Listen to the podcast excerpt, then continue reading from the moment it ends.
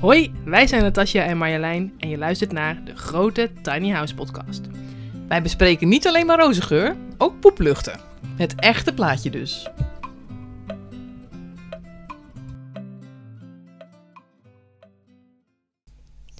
Marjolein, ik mis je. Ik mis jou ook! Ja, ja, ik zie je alleen digitaal. We zitten niet bij elkaar deze aflevering. Nee, saai hè? Ja. Toch gezellig? Ja, ik vind het heel ongezellig. Ja, nee, we kunnen niet bij elkaar zitten. Het is te koud. En ehm, een tiny house laat je gewoon niet graag in de steek als het zo hard vriest. Want ja, je wilt het een beetje op temperatuur kunnen houden en eh, de boel in de gaten houden. We hebben allebei beestjes die we niet in de steek willen laten. Dus Vooral hebben we besloten. beestjes. Ja, vooral de beestjes, kipjes. Rrr. Nee, dus we, we hebben besloten om thuis, allebei thuis te blijven zitten. Eh, ik zie Marjolein nu via Skype. Dus we zien elkaar wel in pixels. Eh, maar eh, ja, ik, eh, ik verheug me wel weer op eh, opname van aflevering 4 hoor. Dat we gewoon weer bij elkaar zitten. Fysiek. Ja, ik ook. Dat is toch echt wel leuker. ja. Het is wel heel 2021 dit. Ja, nou zeg dat ja. Ja, en we hebben gelijk kunnen oefenen hoe we dit dan aanpakken als het weer eens een keer moet gebeuren. Je weet maar nooit. Waar gaan we het vandaag dan over hebben? Nou, vandaag gaan we het hebben over een heel belangrijk onderwerp waar iedere tiny house bewoner in SP mee te maken krijgt. Hoe vind je een plek voor je tiny house? Dat is echt de grote hamvraag. Als je mensen vraagt, wat is nu het grootste obstakel wanneer je in een tiny, in een tiny- house wilt wonen? Dan is dat eigenlijk wel het unanieme antwoord. Vinden van een plekje. Maar toch vinden mensen plekken. Dus ja, wat is hun geheim? Hoe hebben wij dat gedaan? Hoe pak je zo'n zoektocht aan?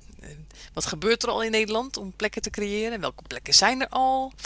Nou, daar gaan we het vandaag eens over hebben in deze grote Tiny House podcast. Ja, en onderweg misschien wat tips dan, hè? En zeker wat tips. Ja. Maar we gaan nu eerst naar het nieuwtje. Het nieuwtje. Nieuwtjes. Nieuwtjes? Ja, nieuwtjes uit Tiny House Land. Het nieuwtje van vandaag gaat over CPO Calimero. Ken jij Calimero nog van vroeger? Ah, ja, ja, ja. Eh, even denken. Ik ben klein en zij zijn groot en dat is niet eerlijk. Dat was het Ja, toch? Dat is hem. En op zijn kopje staat een ei erop. Oh ja. Nou, het kleine kuikentje Calimero uit het gelijknamige teken, eh, tekenfilmpje. Eh, ja, dit gaat over een CPO Calimero. En CPO is collectief particulier opdrachtgeverschap. Mhm. En dit is een, dat zijn groepen mensen die samen een, eh, hun, hun woningen willen realiseren. Zonder tussenkomst van een projectontwikkelaar. En CPO Calimero die gaat een permanente tiny house wijk in Eco Week. Dat is in de gemeente Ewijk realiseren. En dat is heel mooi, want het is dus, ze bieden kavels te koop aan aan mensen. Waar je dus een tiny house kunt bouwen. Er zijn ook gemeenschappelijke, permanent. Mhm. Ze gaan gemeenschappelijke eh, faciliteiten organiseren, realiseren. Dus een, een, een, bijvoorbeeld een gemeenschapshuiscentrum waar je ook een logeerkamer hebt, een klusschuur, daar wordt aan gedacht. En het gave van dit project is dat de gemeente Ewijk, die had, eh, heeft een stuk grond, dat willen ze ontwikkelen. Willen ze woningen realiseren. Maar ze hebben dat helemaal alleen aan CPO's eh, overgelaten, zeg maar. Ze hebben eh, CPO's opgeroepen om te reageren en een goed plan in te dienen. Dat is wel uniek. Dus niet, eh, we gaan er ook een paar projectontwikkelaars op zetten, maar echt alleen collectief particulier opdrachtgeverschap. Wauw. En het moest echt een natuurinclusieve, duurzame wijk worden ook. Dat is natuurlijk hartstikke mooi. En CPO Calimero is een groepje mensen. die, die hebben die, die handschoen opgepakt, zeg maar. Die uitdaging aangenomen. Hebben een plan ingediend. En zijn als eerste van de, de, de, de CPO's die zich hebben aangemeld gekozen. Dat ze daar eh, hun plan mogen realiseren. Cool. En ze doen dat ook nog in samenwerking met een woningbouwcorporatie. Want er moet ook nog een percentage van de woningen moet sociale huur worden. Dus er gaan en koopkavels komen, komen er voor tiny houses, maar ook een aantal tiny houses in de sociale huur. Oké, en eh, even denken hoor. Dus je, je hebt een koopkavel, dan mag je gewoon sowieso je tiny house dan die je zelf laat bouwen of bouwt opzetten. Ja? En als je dan een sociale huurkavel hebt, moet je dan, eh, krijg je dan een standaard tiny house? Hoe zit dat? Nou, dat is het, dat is het leuke. De, de woningcorporatie die gaat een budget vaststellen per kaveltje waar een sociale huurwoning op komt. En de bewoners mogen dus binnen kaders, eh, dus er zullen wel wat spelregels opgesteld worden, Mhm. dan mogen ze zelf kiezen wat voor een huisje er komt. Wauw. En dat is ook uniek voor de sociale huur. Ja, precies. Dus dat is echt heel erg mooi. Ik heb, er, ik heb Janneke.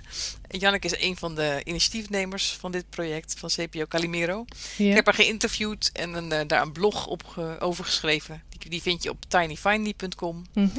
als je daar meer over wil weten. En er staat ook een oproep, een aanbod. Dat dus voor koopkavels en voor de sociale huur tiny houses. Kijk, kijk, als we het over locaties hebben, dan is dit gelijk een goede tip. Precies. En het wordt denk ik echt een heel gaaf wijkje. Ja, tof. Mooi nieuwtje. Mooi nieuwtje, hè? Meer van Zeker. dit. Absoluut, kom maar door.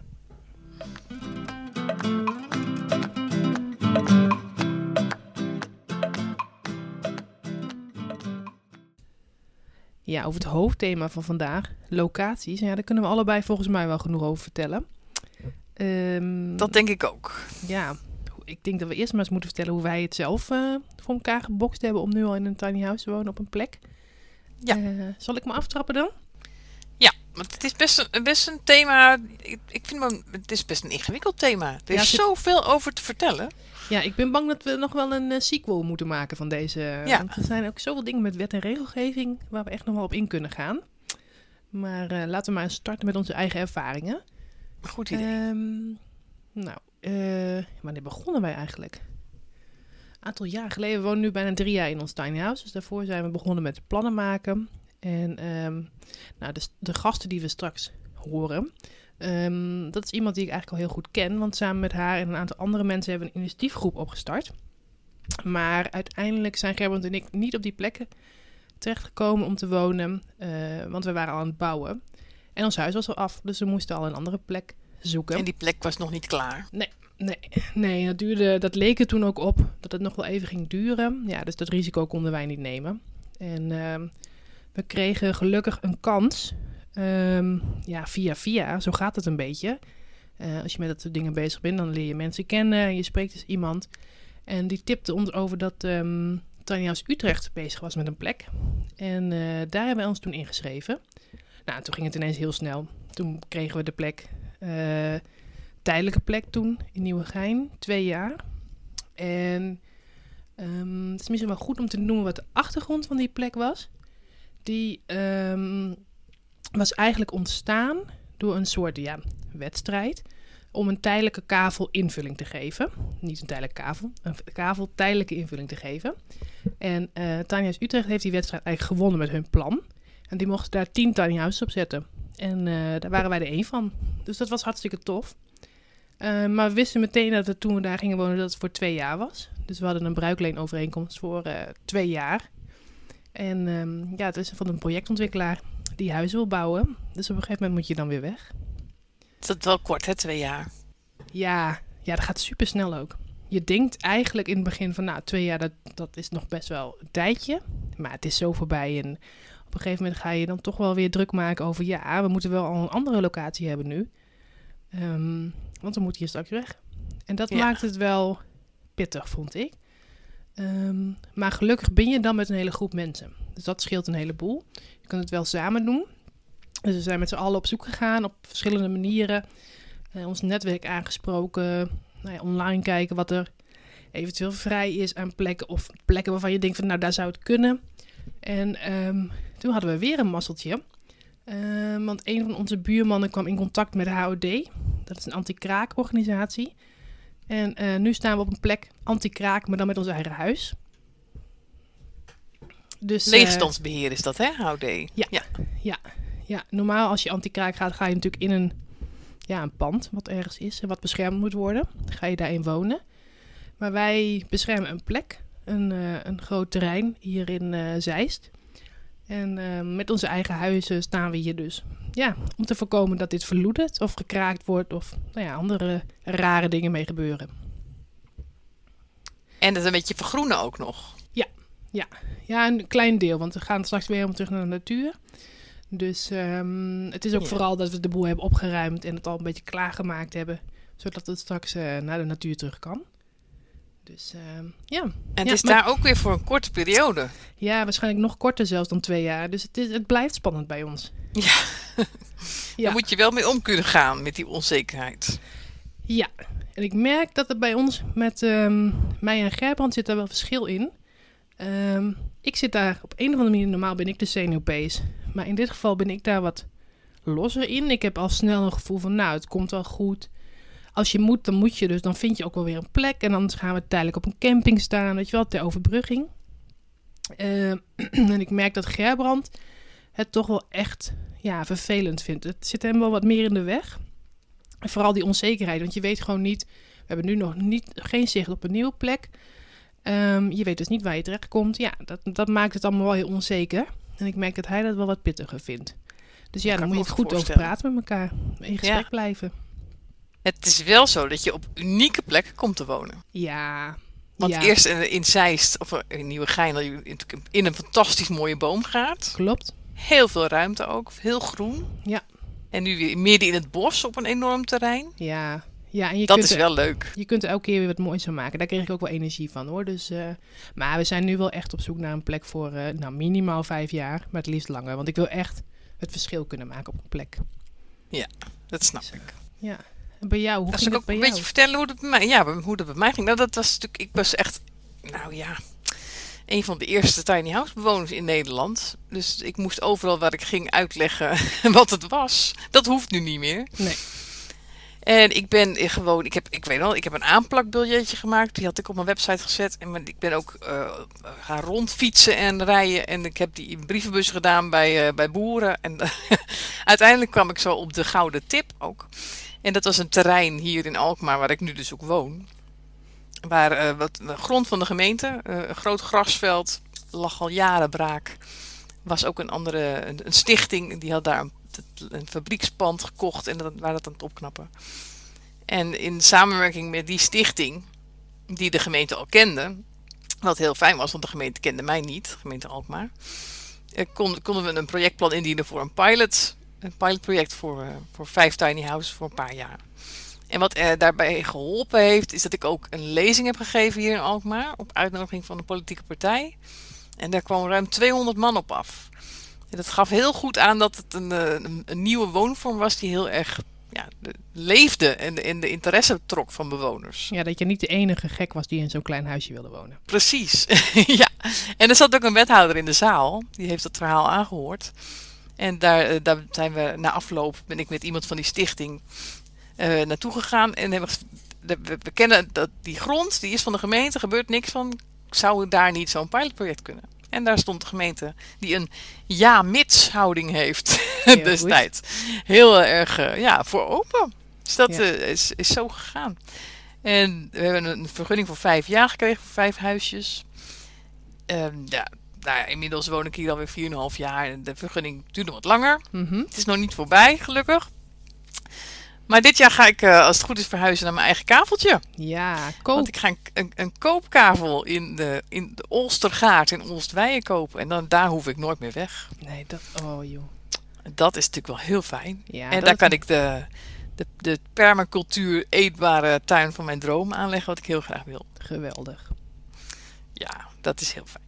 Ja.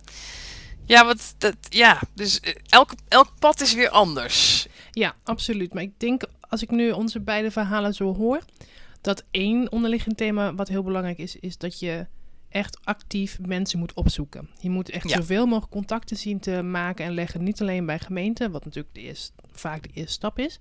Maar ook met mensen die in hetzelfde schuitje als jij zitten. Of mensen die uh, weer een heel ander netwerk hebben waar jij gebruik van kan maken. Ik denk dat dat bij ons allebei... Uh, bij ons ja. heeft het geholpen om twee tot twee keer toe een uh, nieuwe tijdelijke plek te krijgen. Omdat we dus mensen in het netwerk hadden die mensen kenden die een plek hadden. Um, en uh, ook bij jou is dat natuurlijk zo gegaan, doordat je je aangesloten hebt bij, bij het andere en een pilotproject kon starten. Ja, dat maakt het allemaal een stuk sterker als je het samen doet. Ja, zeker. Je gaat het niet alleen doen en, en, en je moet proactief zijn. Er zijn heel veel mensen die in tiny house willen wonen. De plekken zijn schaars. Al gebeurt er wel heel veel. Ja. Dus je moet er echt wat voor doen. Je moet er proactief voor op af. En dan zijn er eigenlijk drie paden die je kunt bewandelen. Om, eh, je kunt eh, natuurlijk een kavel kopen. Mhm. Als je daar geld voor hebt. En daar een tiny house op plaatsen. Als je dat niet hebt, eh, dan kun je eh, naar de gemeente stappen en vragen of, of zij een, een stuk grond hebben wat ze bes- beschikbaar willen maken. Mhm. En je kan natuurlijk ook nog een beetje onder de radar gaan wonen. Ja. Dat zijn echt globaal gezien de drie wegen die je kunt bewandelen. Ja, ja. ja en het onder de radar, dat vind ik altijd wel goed om te benoemen. Um, dat ja, het liefst doen wij dat dus niet, maar jij ook niet natuurlijk. Nee. Um, omdat je juist door het um, via de bestaande wet en regelgeving te doen, maak je de weg vrij voor alternatieve woonvormen.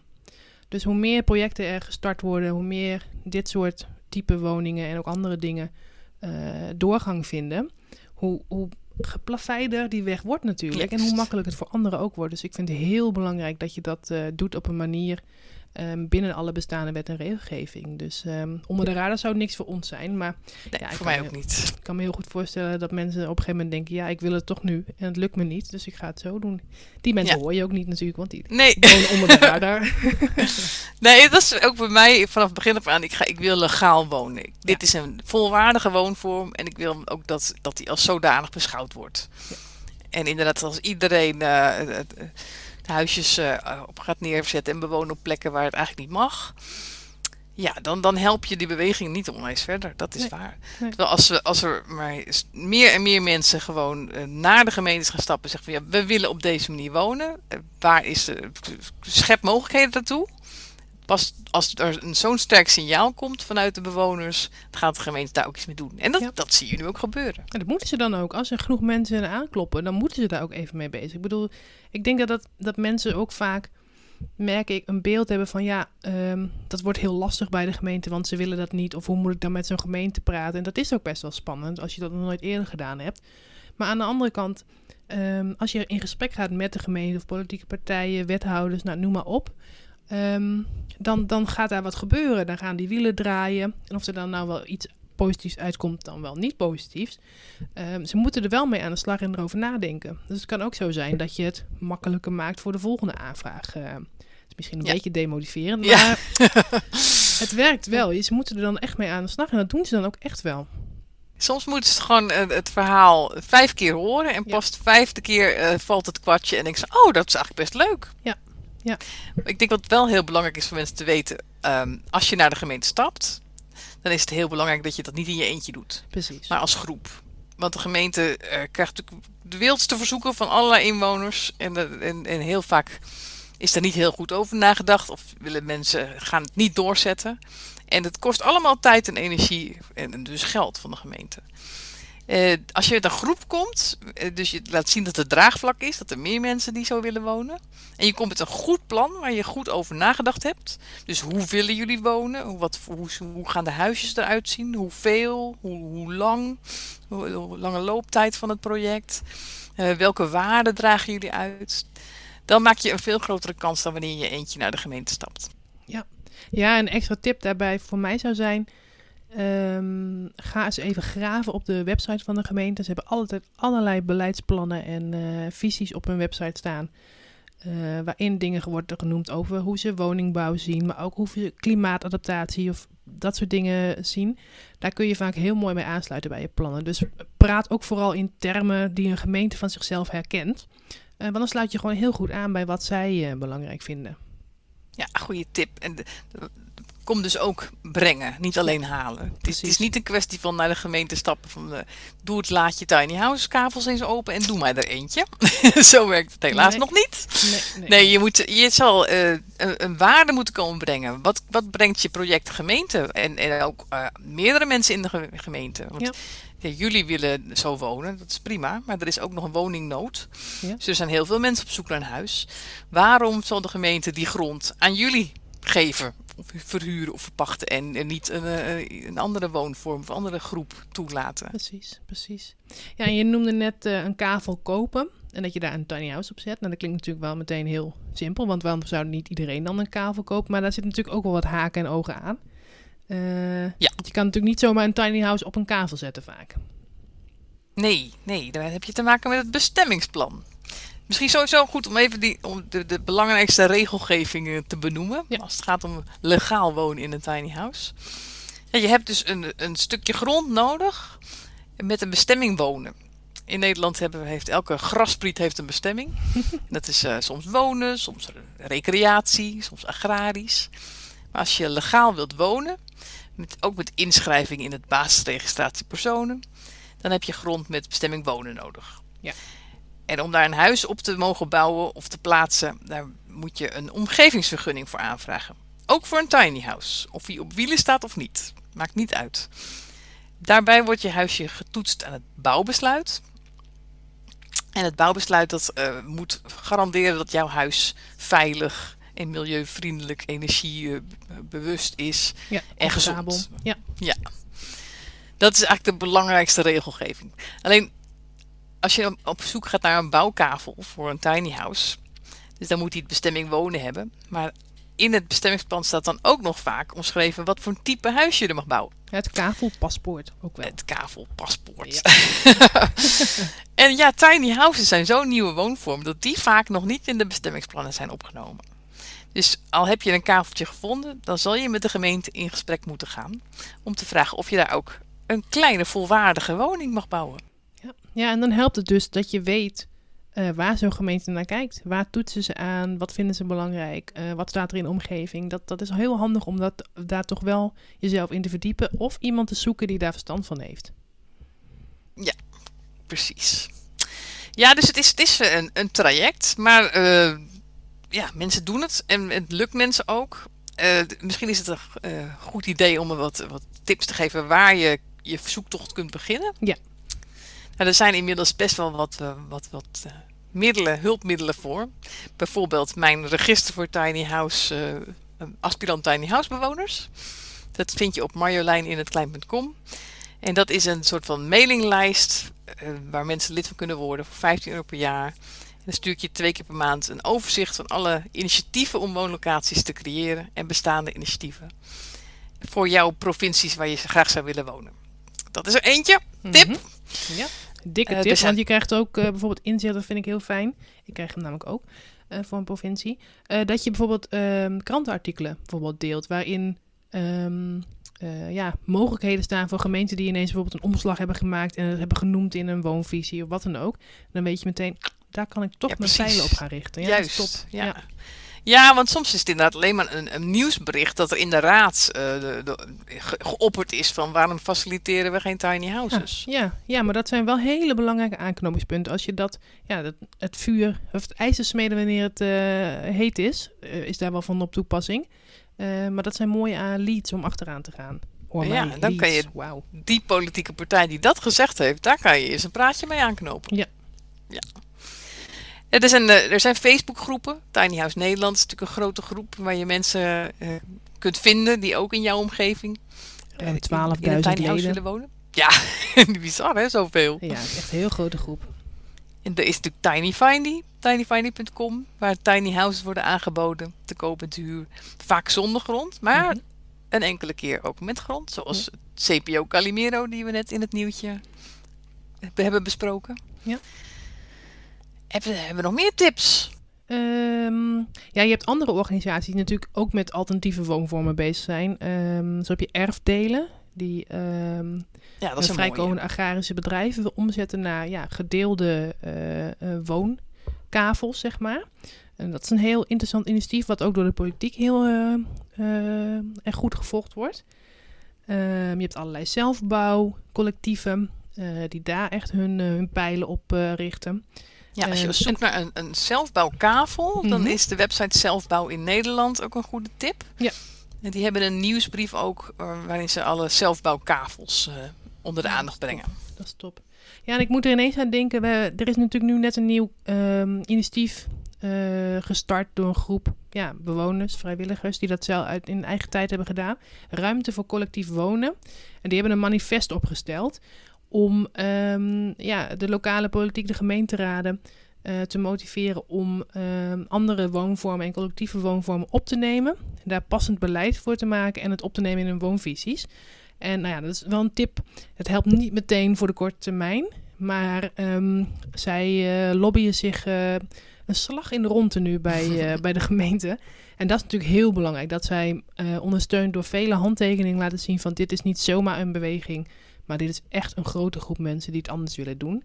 En daar moet gewoon ruimte voor gemaakt worden. Dus dat is ook een tip. Ruimte voor collectiefwonen.nl Ja, teken allemaal dat manifest alsjeblieft. Ja. ja.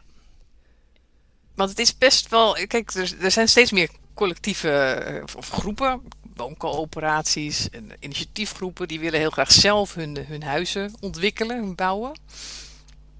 En de gemeente is over het algemeen gewend om vooral met projectontwikkelaars en woningbouwcorporaties om te gaan. Dus voor die, die schaarse grond, om daar aanspraak op te maken als, als burgerinitiatief, nou ja, dat is, dat, daar is nog, ja, dat is een uitdaging. Ja. Dus het is heel belangrijk dat er in gemeentes ook beleid komt dat die groepen net zoveel kans maken op de grond dan als de traditionele partijen. Precies, precies. Nou ja, en daar, uh, ja, wij als pioniers maken daar natuurlijk uh, al een beginnetje mee. Maar alle groepen die nu starten, en je zei het aan het begin al, er zijn heel veel projecten in ontwikkeling. En wat ik heel positief ook voor mezelf en voor onze eigen volgende plek, waar die ook mogen zijn, uh, vind, is dat heel veel projecten die nu starten, zijn al voor uh, uh, langere tijd vaak. Vijf jaar, tien jaar, vijftien jaar. Ja. En we zien die als permanent voorbij komen. Dus ja, Ja. Het gaat, het- voor mijn gevoel gaat het gewoon hartstikke de goede kant op. En komt het dat dus helemaal goed. goed. Ja. Er is in, in vijf jaar tijd zoveel gebeurd. Ik heb onlangs ook op mijn website marjoleinklein.com een, eh, een, een pagina's gemaakt per provincie. Waarin je kunt zien eh, ja, welke tiny house woonprojecten er al zijn. Projecten, legale projecten met meerdere tiny houses. En Ja, het is echt in vijf jaar tijd voor een nieuwe woonvorm heel veel. Nou, top.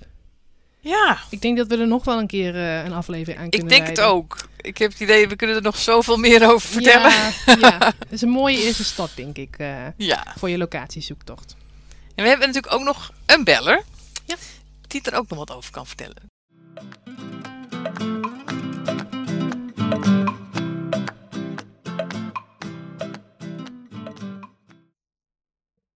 We hebben vandaag een beller weer, een gast in de uitzending.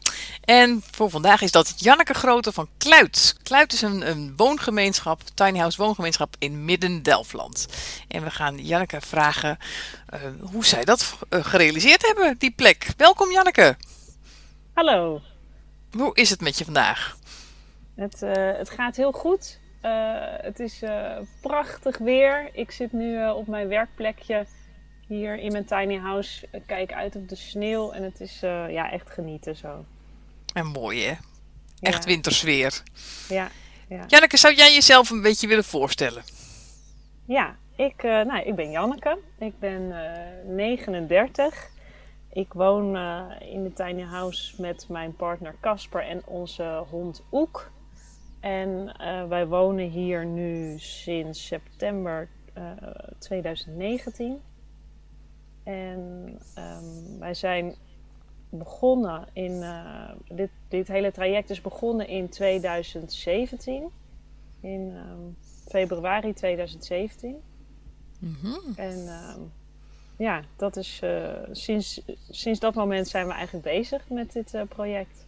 Dus jullie zijn ongeveer 2,5 jaar over gedaan van, van, van het, het initiatief beginnen tot wonen. Klopt Ja. dat? Klopt, klopt. Ja, en dat is ook waar ik Janneke van ken. Hoi Janneke. Hi. Want eh, eh, ja, we, zaten, wij zijn dus initiatiefgroep samen opgestart, hè? Met een aantal andere mensen erbij. klopt. Ja, Ja. ja, superleuke tijd was dat. Daar heb ik echt heel veel van geleerd toen. Hoe we dat samen hebben aangepakt en opgepakt. Ja, het is, het is echt voor mij ook echt een ontzettend leerzame tijd geweest.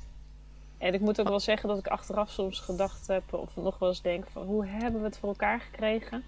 Ja, Eh, dat is dus ook echt wel iets wat ik mensen mee zou willen geven. Het is echt een kwestie van doorzetten, heel veel tijd investeren. Eh, maar dan kan het echt wel lukken. ja, Want ja, jullie, ja. jullie staan met hoeveel huisjes eh, zijn jullie in Midden-Delfland? Wij staan met negen huisjes hier. En dan één, eh tien huisje, want het tiende huisje is een eh, gemeenschappelijk huisje. Oh, wat leuk. En, en jullie hebben, als ik goed begrepen heb, een vergunning voor vijf jaar. En die kan nog een keertje voor vijf jaar verlengd worden, hè? Ja, dat klopt inderdaad. En hoe, hoe hebben jullie dat aangepakt? Vertel daar eens wat over. Eh, nou ja, het is ehm, wat ik al zei, in februari 2017 ehm, is er een informatieavond georganiseerd door een plaatselijke politieke partij hier over tiny houses. Eh, omdat zij dat eh, zagen als, eh, ja, als, als een, een leuk initiatief hier in Midden-Delfland. Ook omdat er veel ehm, vraag is naar eh, starterswoningen. Ehm, nou ja, daar zijn wij naartoe ge- gegaan, Casper en ik. En eh, nou, ehm, eh, we hebben daar andere mensen ontmoet die ook enthousiast daarover waren. En na die avond is er nog één keer een informatie of een soort overlegmoment geweest met die politieke partij. Met de mensen die zich op die avond hadden aangemeld als uh, geïnteresseerden. En die politieke partij heeft ons toen meegegeven van ja, wij, staan enthousiast, wij zijn enthousiast over het concept tiny houses in, in onze gemeente. Maar het is aan jullie om nu verder dit op te pakken en um, met een voorstel te komen. Dus toen zijn wij met, met dat groepje mensen, ik geloof, dat weet Natasja misschien ook nog wel, ik denk een stuk of dertien personen of zo waren we in het begin. Ja, ja zoiets inderdaad. Ja, we waren best wel met een aardige groep mensen. Het werd op een gegeven moment wel wat kleiner. Ja. Uh, toen we echt met het projectplan en dergelijke bezig waren. Maar het was best wel een mooi groepje om mee te, mee ja, te beginnen. in dat, dat eerste groepje van nou ja, iets van, van 12, 13 mensen... Zijn we, uh, hebben we een initiatiefvoorstel geschreven. En dat hebben we in... Ik heb dit zojuist even allemaal opgezocht. Ja, heel goed. in juni 2017 hebben we dat initiatiefvoorstel aan de gemeenteraad voorgelegd. En wat hield en... dat in, het initiatiefvoorstel? Um, Voor de mensen die dat begrip niet kennen? Ja, het is, het is eigenlijk een, um, een uitwerking van het idee hoe wij het voor ons zagen. Uh, dat wij hier met tiny houses ergens in de gemeente wilden wonen. Uh, vooral ook wat de gemeente daaraan had. Uh, wat tiny living überhaupt is. hoe huisjes eruit kunnen zien. Um, ja, ja zo'n een beetje een soort conceptvoorstel. En dat ook laten ondertekenen door mensen uit de gemeente die dat idee een, een, warm hart toedroegen. Oh, wat goed. En dat hebben we dus aangeleverd. En um, toen zijn we daarna zijn we gaan lobbyen met alle politieke partijen. Ja, dat was met leuk. dat initiatiefvoorstel en met een presentatie erbij zijn we al, alle politieke partijen hier in de gemeente zijn we afgegaan. Bij de fractievergaderingen toen, ja. Ja, ja. Precies, inderdaad. En uh, dat resulteerde erin dat er in november van dat jaar een motie van een van de politieke partijen werd ingebracht tot het aanwijzen van uh, een locatie of het onderzoeken van optionele locaties hier in de gemeente voor tiny houses. Die werd goedgekeurd. En in januari van 2018, dus eigenlijk een jaar nadat we gestart zijn, is, is deze locatie waar we nu staan, is ons toegewezen. Dat is eigenlijk heel snel. Ja, zo, zo klinkt het wel snel, ja. Ja, het, voelde, het voelde toen wel niet zo. Maar inderdaad, als je het nu zo terugkijkt, vind ik ook hoor, dat het, uh, dat het eigenlijk heel snel gegaan is. Ja, ja. Ja, en, en uh, misschien ook wel leuk om te vertellen hoe we doen die locaties. Want we mochten zelf ook uh, voorstellen doen voor locaties. Ja, klopt inderdaad. Ja, we zijn toen op een mooie zomerdag op de fiets gestapt en um, door de gemeente gaan fietsen. Ja. Langs alle locaties waarvan wij dachten dat, we, dat er wel tiny houses konden, konden staan. En dat was ook heel leuk, omdat het meteen ook een, uh, een manier was om de groep beter te leren kennen. Ja. En ja, ook gewoon heel praktisch, omdat je dan ja, een beeld kunt krijgen bij de, de locaties die er zijn en in hoeverre die passen bij het plaatsen van tiny houses. Ja, ja absoluut. Leuk. Ja. Dus die locaties hebben jullie ook aangedragen? Klopt inderdaad. Wij zijn toen geloof ik met negen locaties hebben we aangedragen, waarvan er toen drie uh, nader onderzocht werden. En uiteindelijk is daar er één van uh, overgebleven. Geweldig. Het is een hele mooie samenwerking tussen, tussen jullie initiatiefgroep en de gemeente dus geweest. Ja, klopt. Dat is ook wel echt wat ik tegen mensen vertel. Van we hebben wel het geluk gehad dat er, um, ja, uh, dat er een politieke partij was, of eigenlijk wel een paar, die dit meteen, dit idee al uh, omarmden. Dus dat, ja, dat is natuurlijk wel een heel, uh, een heel fijne start. Dat helpt, ja. Ja, dat helpt zeker, ja. En ja, ja, toen uh, is die motie ingediend, locatie was er. En toen duurde het toch nog wel een paar maanden voordat er huisjes stonden. Hè? Hoe lang heeft dat ja. ongeveer geduurd? Um, even kijken hoe. Uh, dus in januari uh, is de locatie toegewezen. En daarna zijn we gaan werken aan een inrichtingsplan. Ehm, dit is allemaal trouwens eh, in heel fijn overleg gegaan met een, eh, een ambtenaar van de gemeente. Wij hebben daar iedere twee weken hebben we daar eh, ja, eh, soms wel een paar uur volgens mij, hè Natasja? Jij Ja. hebt er in het begin ook bij gezeten. Klopt. Met ja. haar overlegd. Ja, is echt top. ehm, ja, dat was, ook dat is weer een van de dingen waar je geluk mee moet hebben. Ja. Als je een ambtenaar hebt die er bovenop zit en het eh, vaart in het project houdt, dat helpt ook heel erg mee. En dat is natuurlijk een wisselwerking met jezelf. Als je er zelf ook veel tijd in stopt en er zelf eh, achteraan zit, ja, dan kan pro- het best proactief bent. Ja. Precies, inderdaad, ja. En dan, dan lukt het zomaar. En dan woon je Ja. daar.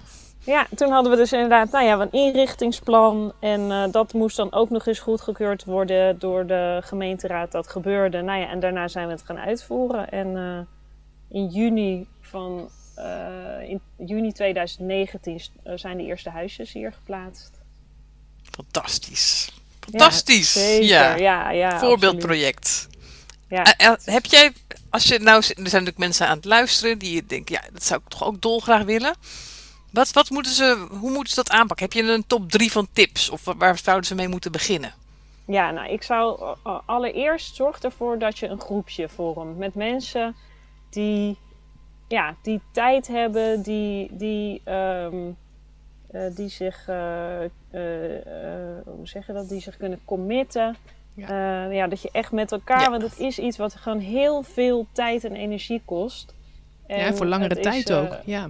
Ja, je, je, je moet er tijd voor hebben, maar ook soms gewoon echt het mentale. Zijn echt momenten geweest dat, dat ik het zwaar had en dat je dan andere groepsleden hebt die je er dan weer doorheen trekken. En ook dat mensen, eh, als je een groepje hebt, de een kent weer eh, deze persoon, de ander de ander. Wij hadden bijvoorbeeld iemand in de groep wat ook heel erg geholpen heeft, waarvan zijn vader ehm, jurist was en die heeft ons geholpen met een bruikleenovereenkomst. Dus ja, zorg ervoor dat je een, eh, een groepje van mensen hebt die, ehm, die ervoor willen gaan met elkaar. ja, heel belangrijk. Dat zou mijn eerste tip zijn. De tweede tip is dat, dat lobbyen bij de politieke partijen. Want ook al heb je niet het geluk wat wij hadden dat er al een politieke partij is die het zelf heel erg eh, omarmt, kun je ze wel enthousiast maken, denk ik, door met een goed verhaal te komen. Ja, en je leert, er- dat vond ik toen ook, je leert er zoveel van als je in gesprek gaat met de verschillende partijen. Ja. Je krijgt hele verschillende reacties terug op je plannen. Vanuit Klopt. allerlei invalshoeken. En daar leerden we ook heel veel weer van om ons plan, zeg maar, nou ja, op bepaalde punten misschien aan te passen of op dat anders te benoemen. Zodat je toch meer aansloot op wat een gemeente ook eh, voor zich ziet. Zonder jezelf te verliezen natuurlijk, je plan. Want die, dat moet natuurlijk wel overeind blijven staan. Maar ik vond dat heel leerzaam, die gesprekken. Ja. Helemaal mee eens. En dat is inderdaad ook wat ik genoteerd heb. Wat belangrijk is, is dat je kijkt naar wat een gemeente eraan heeft. Ja. Eh, dat je het echt samen doet. Je kom wat brengen ook, hè? Ja, Ja, precies. Niet alleen halen, inderdaad. maar ook brengen. Nee. En Ja. ook daarmee in, eh, eh, in aanvulling daarop dat je rekening houdt met de omwonenden van de locatie waar je terecht zou komen. Goeie. Ook een goede tip. wij ja. hebben dat vanaf het begin hebben we contact opgenomen met de omwonenden. En dat is. Kijk, heel veel mensen, het wordt nu wel. Dit is natuurlijk steeds meer bekend het over tiny houses. Maar eh, toen was dat nog, en nu denk ik ook nog steeds, is dat mensen zich er niet een goed beeld bij kunnen vormen. En het spannend vinden van wat ko- komen daar voor mensen eh, bij ons te wonen. Ja. En dan helpt het heel erg om, om mensen te informeren en naar ze te luisteren. En, ja, En te laten zien wie je kijken. bent. Ja, Ja, ja, inderdaad. Dat het allemaal niet heel spannend is. Nee, Zoals zoals Natasja wel gezegd heeft, eh, dat je bij de gemeente komt, of bij de omwonenden. Dan, oh, maar jullie zijn eigenlijk hele gewone mensen. ja, ja, dat gebeurt Letterlijk. wel eens, hè? Letterlijk Ja. eh, eh, te horen gekregen. Oh, je bent eigenlijk heel normaal. ja, ja, inderdaad. Nou, dat zijn hele goede tips, Janneke. Ja, Daar hebben de, onze luisteraars vast eh, en zeker wat aan. Dankjewel. Nou, Ik hoop het, want ik gun het eh, eh, iedereen om, om zo op deze manier te wonen. En ik, ja, ik zou echt mijn, mijn, mijn eh, de uitsmijter zou voor mij zijn gewoon echt eh, vooral doorgaan. Vooral doorgaan. Ja. Ja, goed. Super, super. Dankjewel voor deze geweldige tips. Graag gedaan. Heel veel succes met jullie leuke podcast. hey, dankjewel. Dankjewel, Janneke.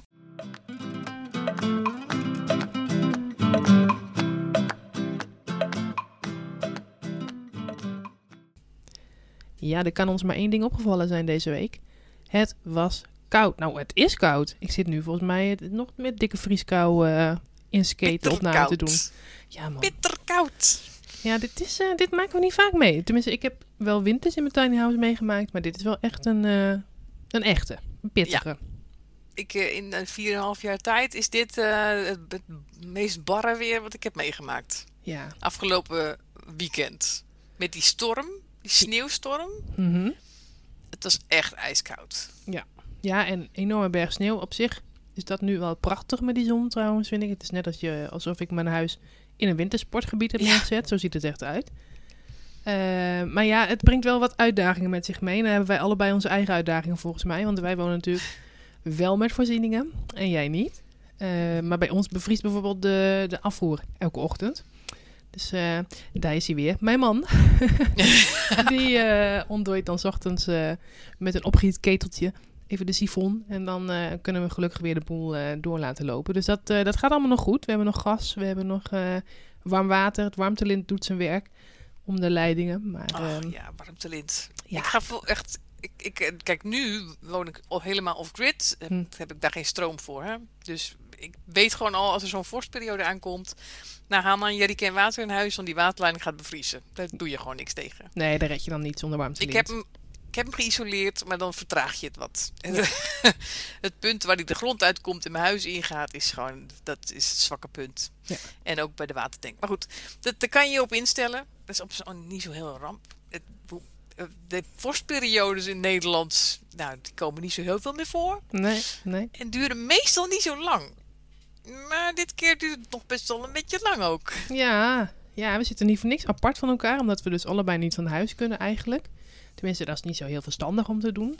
En eh, dat- ja, we zijn al bijna een week onderweg met dit weer. Dus eh, ja. Ja. Ja. Nou, en mijn afvoer is ook voor het eerst bevroren van de, van de keuken. Oh, Ja, dus er staat mij nu een tijltje in de grote steen. Ja. En dat is ook, dat is ook prima te doen. Ik, ik- zolang de wc-afvoer maar niet bevriest. Ja, dat wou- zou echt vervelend zijn. Ja, dat waren is wij- gelukkig nog niet gebeurd. Daar waren wij ook een beetje bang voor, dat die zou bevriezen. Dat, eh oh, dan zit je straks met je, moet je met een emmertje ergens aan zitten. Ja. En dan, eh, nou, lekker dan. Nee, En dan wordt het wel erg primitief. ja. ja. Maar in huis is het prima warm te houden. Ik hou het ook bij de temperatuur. Ik ga s'avonds naar bed, dan is het meestal zo 21, 22 graden in huis. Mhm. En dan gaat de kachel natuurlijk uit, het houtkacheltje. Maar ik heb wel van die nachtbriketten, die Ja. houtschorsbriketten. Ja. En daar gooi ik er eentje van op en dan blijft hij de hele nacht door gloeien. Ah, oké. Dus dan is het 's ochtends zo rond de 14 graden als ik bed uitkom. Nou, netjes. Is goed, hè? Ja. Ja, ja, wij hebben een, een eh pelletkachel dus. Ehm, ja, die gaat gewoon uit, s'avonds. Die zetten we uit. Maar die laten we nu, dat is eigenlijk voor het eerst sinds we tiny wonen, die zetten we s'nachts een uurtje aan. Eh, ja, dat gaat heel makkelijk. Kun je gewoon instellen. Dus dan gaat hij uit zichzelf Nee, aan en uit. afstandsbediening. Ja, ja, luxe hè. dus dan gaat hij gewoon even aan, een uurtje en dan weer uit. En dan eh, maakt hij het net even wat warmer in de nacht, want anders wordt het wel echt koud. Dan gaat dan, als, het, als we dat niet zouden doen, dan zijn we denk ik 's ochtends zitten we op een graad of 4, 5 Ja. in huis. Nou, dat is echt veel te koud. Dat is te koud. Dus ehm, en En nu... jullie hebben ook een raam open dan s'nachts, hè? Ja, we hebben ons dakraampje altijd op een kiertje staan. Ja. Ja, anders stik ik hoor. nou, dat, ik heb nu de ramen s'nachts niet open, hoor. Oh, Dat, ik moet eh, echt lucht. trek ik niet. Oh nee, ik moet echt lucht. Wie vroeg dat laatst ook? Die zei ook al, slaap je dan met een muts op? Maar dat... Nee, ik vind het heerlijk. Ik heb het bloedheet in bed hoor. Ik vind het lekker. Ja, maf is dat, hè? Ik, Ja. ik word het, nee, ik heb het raam niet open. Maar ik, ik, snap, ik snap het. Meer mensen hoor ik daarover. Dat ze het ook al vriest het dat het kwaakt. Toch een raampje open moet in de slaapkamer. Ja, ik vind dat lekker. Dus eh, dat doen we wel. En dan is het ochtends nou graad. Vanochtend was het volgens mij 12 graden. Dus dat is eh, prima. En ja, de zon schijnt. Dat heb jij ook. De zon op je tiny house schijnt, hoeft de kachel Ja. overdag niet aan hoor. Ook al Nee. vriest het eh, dat het kraakt. Het is, eh, gisteren was het 26 graden bij ons in huis op een gegeven moment. Ik ben naar buiten gegaan. Ik had bloedheet. ja. Nee, ik, ik laat hem nu ook uitgaan. Want de zon schijnt lekker en dan hoeft het inderdaad niet. Dan is het zo 25 graden. Ja, echt heerlijk. Ja, ja het, het, het levert wel weer mooie plaatjes en, en wat meer verbondenheid. Ik had ook echt... toen, de, toen de sneeuw er bijna aankwam en het was dan zaterdagavond en het zou dan komen. En ik had echt zo, zo'n kinderlijk gevoel van... Ah, yes, het gaat Verwachting. komen. Er is weer wat nieuws en leuk, leuk, leuk. Ik had al helemaal bedacht dat ik een iglo ging bouwen. Nou, dat, dat ging niet lukken, want het is echt van dat poelerige sneeuw. Dat is jammer. Maar eh, nee, ik vond het wel echt even weer leuk hoor. Even weer wat anders. Heerlijk. En dan op zo'n Nou, heel groot terrein met zo'n berg sneeuw, waar je, waar, wat ook niet aangetast wordt verder. We hebben natuurlijk geen straat waar auto's doorheen rijden of zo. Dus het is hier gewoon... Nee, ik heb foto's gezien van je, maar dat is fantastisch mooi. Ja, Mooie gaaf. plaatjes. Ja, Nou, ik, ik ben niet een wintermens. Ik, ik vind het nu, nu de zon schijnt met de sneeuw, vind ik dat echt wel leuk om te zien. Maar ik vind het zo sneu voor die kippen s'nachts. ja dat is wel... Het is zo koud. Ja, dat, dat vind ik ook hoor. Wij hebben ook inderdaad kipjes en loopeenden dan, ook en sukken. En eh, ze doen het goed. Ik merk eigenlijk niet zoveel klachten of, of dat ze echt denken van nou, we, trekken het niet meer. Dus ze doen het echt netjes. Maar het wel inderdaad sneu hè, al die eh, Ja. koude pootjes. Hoe? Ja, mijn kipjes ook. Die hebben het prima. Een dikke laag stro in het hok. En eh, ze zitten uit de wind en, eh, in een goed nachthok. Maar het is meer je eigen gevoel, want ze kunnen het prima hebben. Ja. Van mij mag de lente er wel weer aankomen. Nou, ik heb er ook wel weer. Ja, ik vind het wel fijn het vooruitzicht dat het volgende week weer gaat dooien hoor. En dan begint bij mij ook wel de kweekkriebels op te komen. Ik Oh heb ja. echt nu alweer zin om zaadjes eh, te zaaien en eh, Ja. aan de slag te gaan met de moestuin en de gewone tuin en bloempjes en plantjes. Ik heb er zo zin in. Oh, Oh, ik ook, ja. dus, Lekker eh, voorzaaien in mijn kastje. ja, nou ja, ik heb ook een kastje op het oog. Dus nou, een kastje, zo'n koude grondbak. Dus ja, daar heb ik wel zin in. Maar goed, eerst nog heel even een weekendje genieten van deze vrieskou. Ja. En dan, dan lekker de lente in rollen, denk ik. Ja, zo is dat. We hebben toch nog echte winter gehad. Precies. Is ook wel weer fijn. Ook wel weer fijn voor al die eh, wat minder leuke insecten die het Nou. anders allemaal overleven. Ja. ja, dat is ook waar inderdaad. Ik ben benieuwd wat dat voor effect heeft deze zomer. Ja, We gaan het meemaken. we gaan het meemaken.